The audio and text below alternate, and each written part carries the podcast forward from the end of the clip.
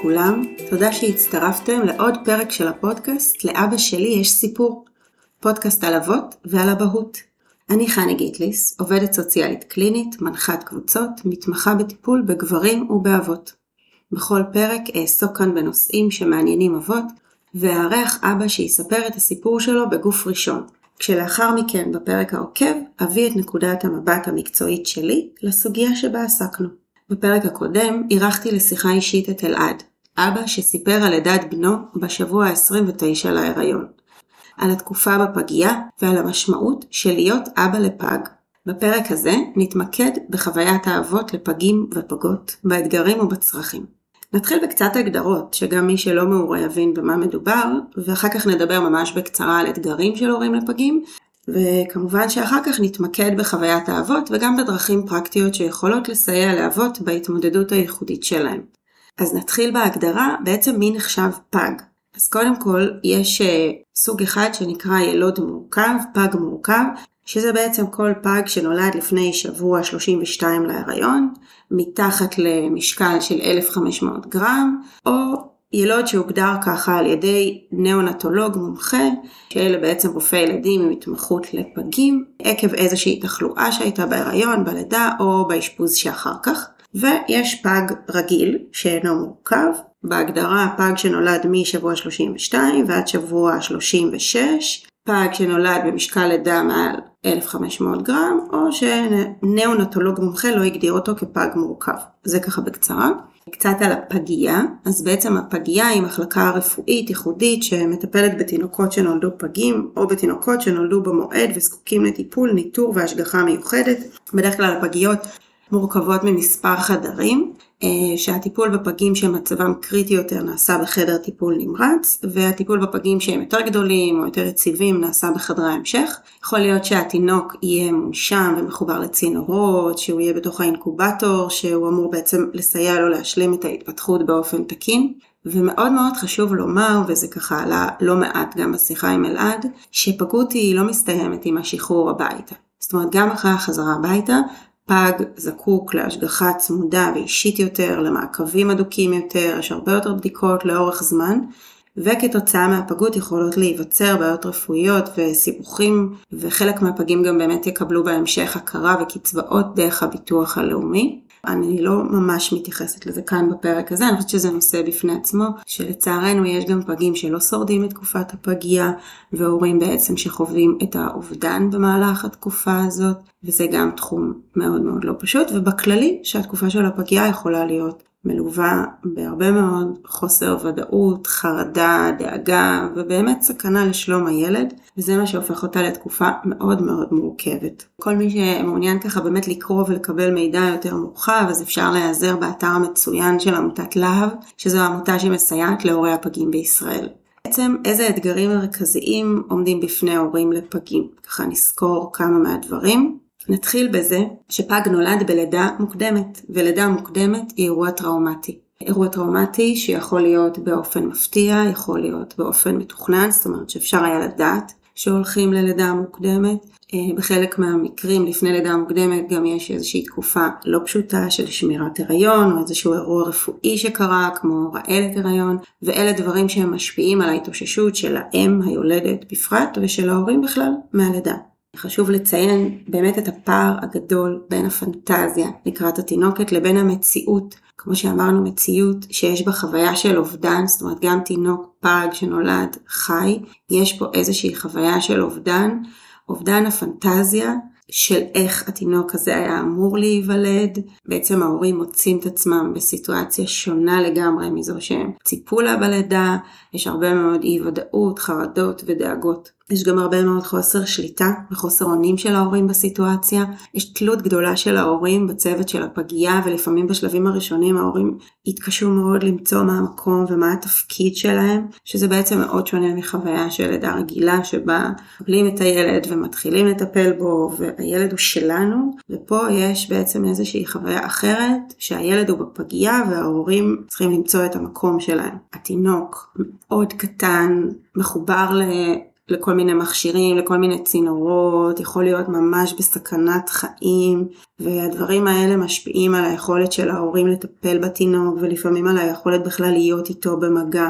גם המראה של פג יכול לעורר אצל ההורים מנעד של רגשות, והדברים האלה בעצם מייצרים איזשהו קושי בהתקשרות של ההורים לילד שלהם, לפג, בתוך הסיטואציה המורכבת, וקושי לפתח זהות הורית בתוך התקופה של הפגייה, וזה באמת יכול להיות מאוד מורכב כשמדברים על ילד שהוא ראשון, זאת אומרת שאין עדיין את הזהות ההורית, ופה היא מתחילה להתפתח. ונכנסים לעולם שלם וחדש, יש בו הרבה מאוד מושגים רפואיים, וזאת התמחות רפואית מאוד ספציפית, ויש שם הרבה מאוד כללים בפגייה. פגים הם באמת פגיעים ביותר, הם יכולים להידבק במחלות, בזיהומים, וצריכה להיות הקפדה, כל הנושא של היגיינה וסטריליות, זה משפיע על כל ההתנהלות של כולם בפגייה. חשוב מאוד לשמור על השקט בפגייה. ממש יש שם הרבה מאוד כללים שצריך ללמוד ולהבין איך זה מתנהל. ובאמת, כמו שאמרתי, שהטיפול בתינוק הוא מתבצע על ידי הצוות, ולוקח זמן עד שההורים מתחילים לקחת חלק פעיל בטיפול השגרתי בתינוק. ועוד דבר שקורה בתקופה הזאת זה שכל מעגלי התמיכה השגרתיים של הורים, שזה משפחה, חברים,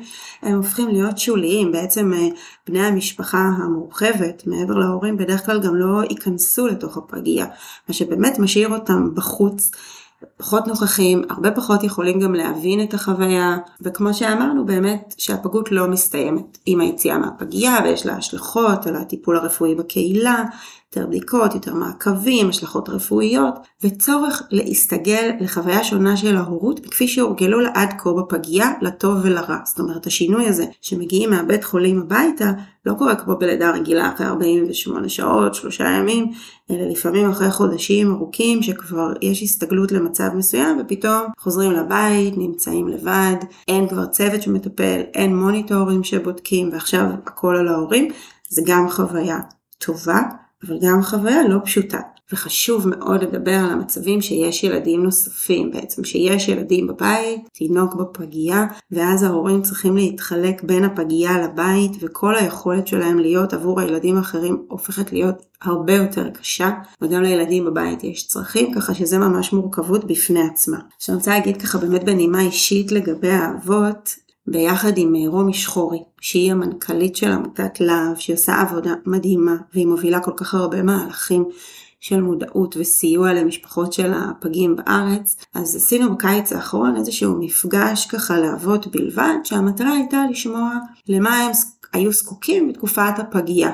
כדי באמת לנסות לחשוב על איזה שהם מענים עבורם, וזו הייתה שיחה שתוכננה להיות אה, משהו כמו שעה וחצי, היא נמשכה הרבה יותר מזה, ואומנם אה, לא קיבלנו תשובה לשאלה איזה מענים מתאימים, אבל בהחלט קיבלנו הוכחה לכך שכששואלים אבות מה הם חוו בתקופת הפגייה, ושיש את הפניות להקשיב, הם כל כך צמאים לדבר ולשתף, ובאמת לא היה צריך לשאול הרבה, פשוט נפתח סכר של סיפורים, חוויות, קשיים והתמודדויות. המסקנה העיקרית שלי מזה הייתה שגם לאבות יש את הצורך לדבר על מה שהם חוו וגם האבות צריכים מאוד מאוד שיראו אותם. מתוך זה צריך באמת לחשוב איך אפשר לעשות את זה, ובהמשך הפרק אני ככה אציע כמה דברים. אני מקווה שזה גם פרק שיפתח מחשבות, שיפתח מחשבות אה, על האבות בפגיות, קהילה אחר כך. וניסיתי כן למקד כאן בפרק לא ארוך, מה אפשר ללמוד על החוויה של אבות, בעיקר גם ממחקרים שנעשו בארץ ובעולם. אז מה בעצם הופך את החוויה של האב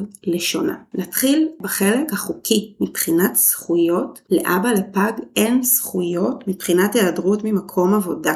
אבא לפג, מעבר לשבוע שהוא יכול לקחת על חשבון ימי מחלה שלו, או ימי חופשה שלו, או כל זמן אחר שמקום עבודה מאפשר לו, ברוב טובו, אבל אין לו שום זכות חוקית. המשיך ולהיות עם בת הזוג, עם התינוק, שעכשיו עבר לפגייה, שבעצם ממשיך ומאושפז בבית חולים, לפעמים במצב רפואי שהוא מאוד מאוד מורכב, אקוטי, פשוט לא יכול להיות נוכח. כל הנושא הזה של הזכויות בעצם מלמד על ההכרה במקום של האב. כי אם אין לו זכויות, אם הוא לא אמור להיות שם מבחינת המערכת, זה כנראה האופן שבו תופסים את התפקיד שלו. אבל זה לא מחובר לאיך שאבות תופסים את המקום שלהם, וזה לא מאפשר להם איזושהי בחירה. אין מספיק תמיכה לאבות, קודם כל בחברה ברמת מדיניות, אבל גם במערכת הרפואית וגם בחברה. בעצם המערכות הן הרבה יותר מכוונות לתמיכה באימהות לפגים. ויש הרבה פחות הסתכלות על המקום של האבא. ואפשר לראות שיש גם מעורבות נמוכה יותר של האב עם התינוק לעומת תינוקות שנולדו במועד. יש את הצורך של האבא לדאוג גם לאימא וגם לתינוק. והוא, כמו שאנחנו הרבה מדברים כאן על החוויה של האבא במצבים האלה, הוא צריך להיות, הוא חושב על עצמו וגם החברה מעשיר, מעבירה את המסר הזה, שהוא צריך להיות חזק, להיות התומך, להיות המחזיק, לא להתפרק, וגם לדאוג לבית, לילדים נוספים, לחיות מחמד אם יש. צריך להמשיך ולתפקד בשגרה, גם במקום העבודה, הוא יכול גם להיות באיזשהו חשש לאבד את מקום העבודה שלו, אם הוא לא יתפקד כמו שצריך, אם הוא לא יצליח לתת את התפוקה שהוא צריך. יש שינוי גדול מאוד בהתנהלות הזוגית, בעיקר אם האמא נמצאת מרבית היום בפגייה והאבא לא. יש חוויה של בדידות, וגם רואים אצל אבות הרבה חוסר בידע בכל מה שקשור להתנהלות עם פג, ויש איזשהו חוסר בהכנה מספקת לקראת השהות בפגייה. ומה שככה מחקרים מראים על החוויה הרגשית של האבות, אז קודם כל באופן כללי חשוב להגיד שיש פחות מחקרים שמתמקדים באבות. יש מחקרים שבודקים הורים ומתייחסים גם להבדלים בין אבות לאימהות ככה בתוך המחקר, ויש הרבה מחקרים שהן רק על האימהות, אבל אין כל כך הרבה מחקרים שהם רק על האבות. מה שכן עולה במחקרים שיש, זה ש... שהאבות לא רק חששו מהאובדן של התינוק, הם גם חששו מאובדן בת הזוג שלהם. זאת אומרת, לידה טראומטית היא לפעמים מציבה בסכנה גם את היולדת כמובן, ולאבות יש הרבה חשש על גם, גם על בת הזוג שלה. ואז יש להם את תחושת האחריות על הטיפול בבת הזוג, לדאוג למצב הכלכלי של המשפחה. לפעמים המצב הבריאותי של האימא בשלבים הראשוניים היה מאוד שברירי, ולאבא דווקא הייתה חשיבות מאוד גבוהה בתקשורת עם האחיות והרופאים. אבל החוויה של אבות זה שהם הרבה פעמים נשארים ללא מענה, והמחקרים מראים שהם מצויים בסיכון רגשי. למשל, אה, מחקר שנערך בישראל בשנת 2011 ראה שאבות לפגים נטו לפתח סימפטומים של דיכאון באופן שזהה לאימהות, אבל בניגוד לאימהות שהצליחו יותר מהר להתאושש מהמצב הזה, האבות סבלו מהדיכאון למשך זמן רב יותר.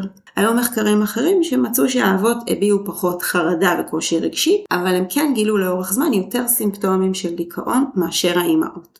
אבות לילדים עם מצבים רפואיים קשים, אפשר לראות לפעמים שהם נוטים למזער את הקשר שלהם עם הילד, או אפילו קצת להימנע ממנו, קצת לברוח. הם ממש יכולים לתאר קושי במגע פיזי עם הילד שלהם, ובאמת במצב הזה הם צריכים הדרכה מיוחדת איך כן ליצור את הקשר שלהם עם התינוק הקטן. חלק מהקושי הזה הוא גם מרמות גבוהות שאבות חווים של פחד, שהם ישברו, שהם יזיקו לילד, שהם ידביקו אותו באיזושהי מחלה או, או באיזשהו זיהום. האימהות, בגלל שהן נמצאות את רוב היום בפגייה, הן בעצם צוברות הרבה יותר מהר שעות עם הילד, ואז גם ביטחון. והאבות, גם ממקום שסומך, או ממקום שנמנע, הם פשוט מוותרים על הקשר הפיזי איתו. עכשיו יש משהו גם בחוויה הפסיבית של הפגייה. יש אנשים שמבחינתם השהות ביחידה הזאת של טיפול נמרץ מייצרת חוויה של שעמום, של אי שקט, של זמן שעבר לאט. בעצם יש איזושהי פסיביות, אפשר רק להיות שם, אפשר להסתכל, אפשר להחזיק אותו בידיים, אבל זה מאוד מאוד פסיבי באיזשהו אופן. ויש אבות שחווים את עצמם כלא משמעותיים, שהם מדווחים, שהם מרגישים מיותרים, שקופים, זאת המילה שאלעד השתמש בשיחה איתו. לפעמים הם אפילו נחווים מטרידים, מפריעים, מרגישים שהצוות מתייחס בעיקר לאימהות. עוד עניין שמייצר בעצם קושי רגשי זה בעצם ריבוי התפקידים שדיברנו עליו, וקושי או בושה לבקש עזרה. וגם אחרי הפגייה, המחקרים ראו שאצל האבות הרבה פעמים נשארת הגנת יתר, חרדות לאורך זמן, דריכות, כל אלה דברים שהם ממשיכים ומלווים את האבות גם אחרי שמסתיימת התקופה הזאת. אז איך בעצם אפשר לסייע? שזאת שאלה מאוד מאוד חשובה, ופה יש תפקיד מאוד חשוב גם למערכת הרפואית, לצוותים הרפואיים שנוכחים פיזית בפגייה, בקהילה, רופאי הילדים, רופאי ורופאות כמובן הילדים.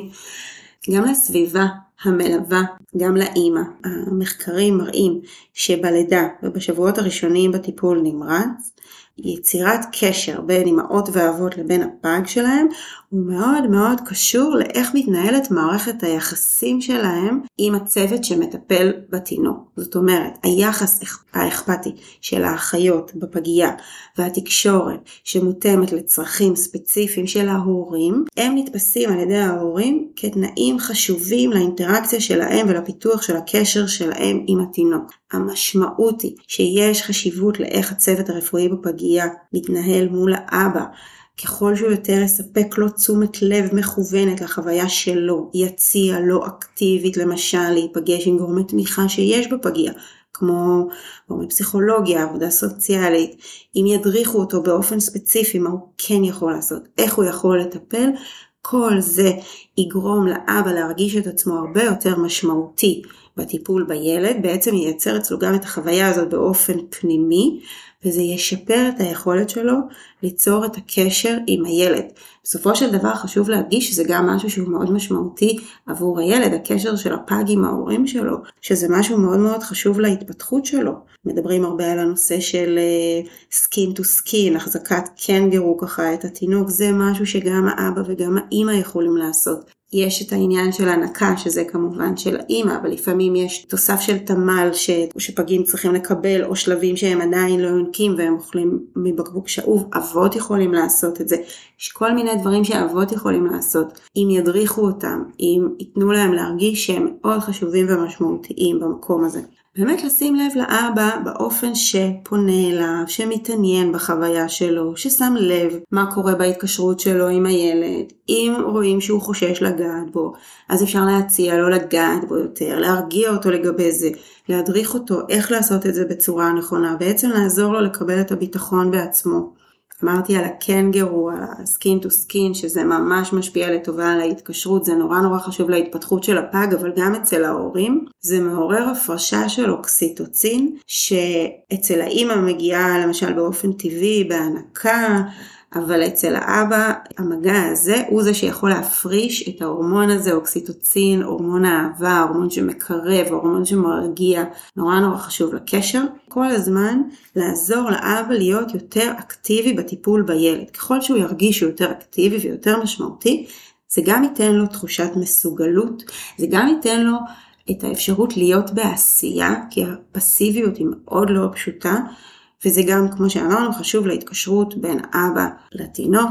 עוד דבר שיכול לתת תחושת ביטחון לאבא זה באמת הסבר, אוריינטציה לפגייה, לאיך זה עובד. הידע נותן כוח, נותן תחושה של ביטחון. הרבה פעמים החוויה הזאת שנמצאים במקום שהכל בו מאוד לא מובן, לוקח זמן להבין, ואם הוא נמצא פחות שעות, לוקח לו עוד יותר זמן מאשר האימא להבין ולהכיר כמה שיותר לתת לו ידע. אז באמת יש כמה מחקרים מהעולם שבדקו התערבות שבעצם כללה הכנה של חוברת מידע שהיא מופנית ספציפית לארבע והדרכה של האחות בפגייה על בסיס המידע שיש בחוברת והמחקרים האלה ראו שזה עושה שיפור ביכולות של האבא ובמתח שהוא חווה, זה הפחית לו את המתח, ועצם ההתערבות הזאת, שהיא גם נותנת אה, אינפורמציה, יש בה גם אה, איזושהי תמיכה שהיא רגשית, אבל היא גם נותנת כלים לאבא, היא מאוד אינסטרומנטלית ונותנת הערכה למקום שלו, היא ממש מעצימה ביעילות את היכולת של האבא, מפחיתה את הלחץ שלו,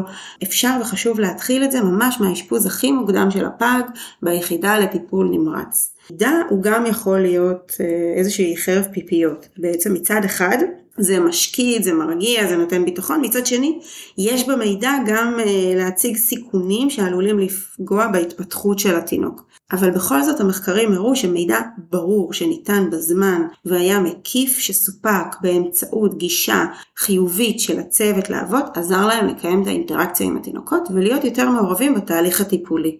יש אפשרויות לעשות תוכניות של התערבות מקצועית ברמה אישית, זוגית או קבוצתית. יש כן עומס, חשוב להגיד, יש עומס בפגיות בישראל, אין מספיק צוות, אין, אין הרבה תקנים, אבל גם אפשר בתוך הפגייה לקבל מענה של אה, עובדת סוציאלית, פסיכולוגית, אם זה ברמה אישית, זוגית, כדאי להציע לאבא, להציע לו גם להצטרף, גם האפשרות של קבוצתית, אבל ככה אלעד אמר את זה בפרק על קבוצה שזה רעיון שיכול להיות מעולה ומאוד תורם, אבל אם היא מתקיימת בבוקר זה באמת לא נגיש לאנשים שלא יכולים להיות שם בשעות הבוקר. אז בסופו של דבר גם התערבות קבוצתית, ובכלל כל התערבות גם צריכה להיות מותאמת לנסיבות ולתנאים של האוכלוסייה, ולהיות משהו שבעצם מתאפשר ולא רק מייצר קושי נוסף. גם לאימהות יש השפעה על המעורבות של האבות בטיפול בתינוק. בעצם ככל שאם תאפשר לאב יותר מעורבות, יותר נוכחות, יותר עצמאות בטיפול בו, ככה גם הוא יפתח את תחושת המסוגלות והמשמעות. אפילו אם זה למשל להגדיר תפקידים ספציפיים שהוא עושה. עכשיו זה כן דורש מהאימא גם לוותר על איזה שהם מקומות שאולי היא הייתה מעדיפה לעשות בעצמה, גם יותר לסמוך.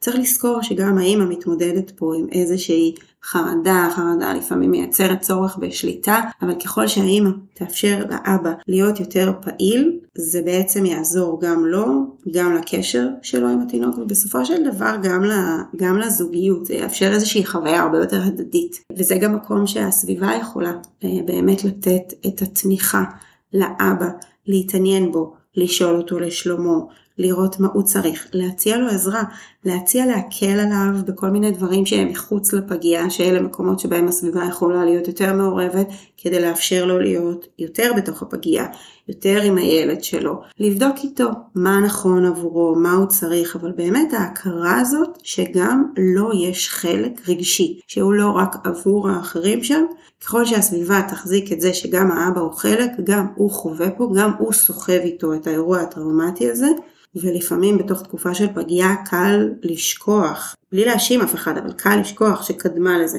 לידה טראומטית, חוויה מאוד לא פשוטה להורים. צריך להחזיק את זה ולזכור את זה, ואת זה הסביבה יכולה לעשות. אה, וברמה החברתית, לעגן בחוק זכויות לאבות שיאפשר להם להיות נוכחים יותר בפגיעה. אפילו לא חייבים, יש אבות שבאמת עוזר להם שיש להם גם את המרחב של העבודה, יש להם יכולת להתנתק ב...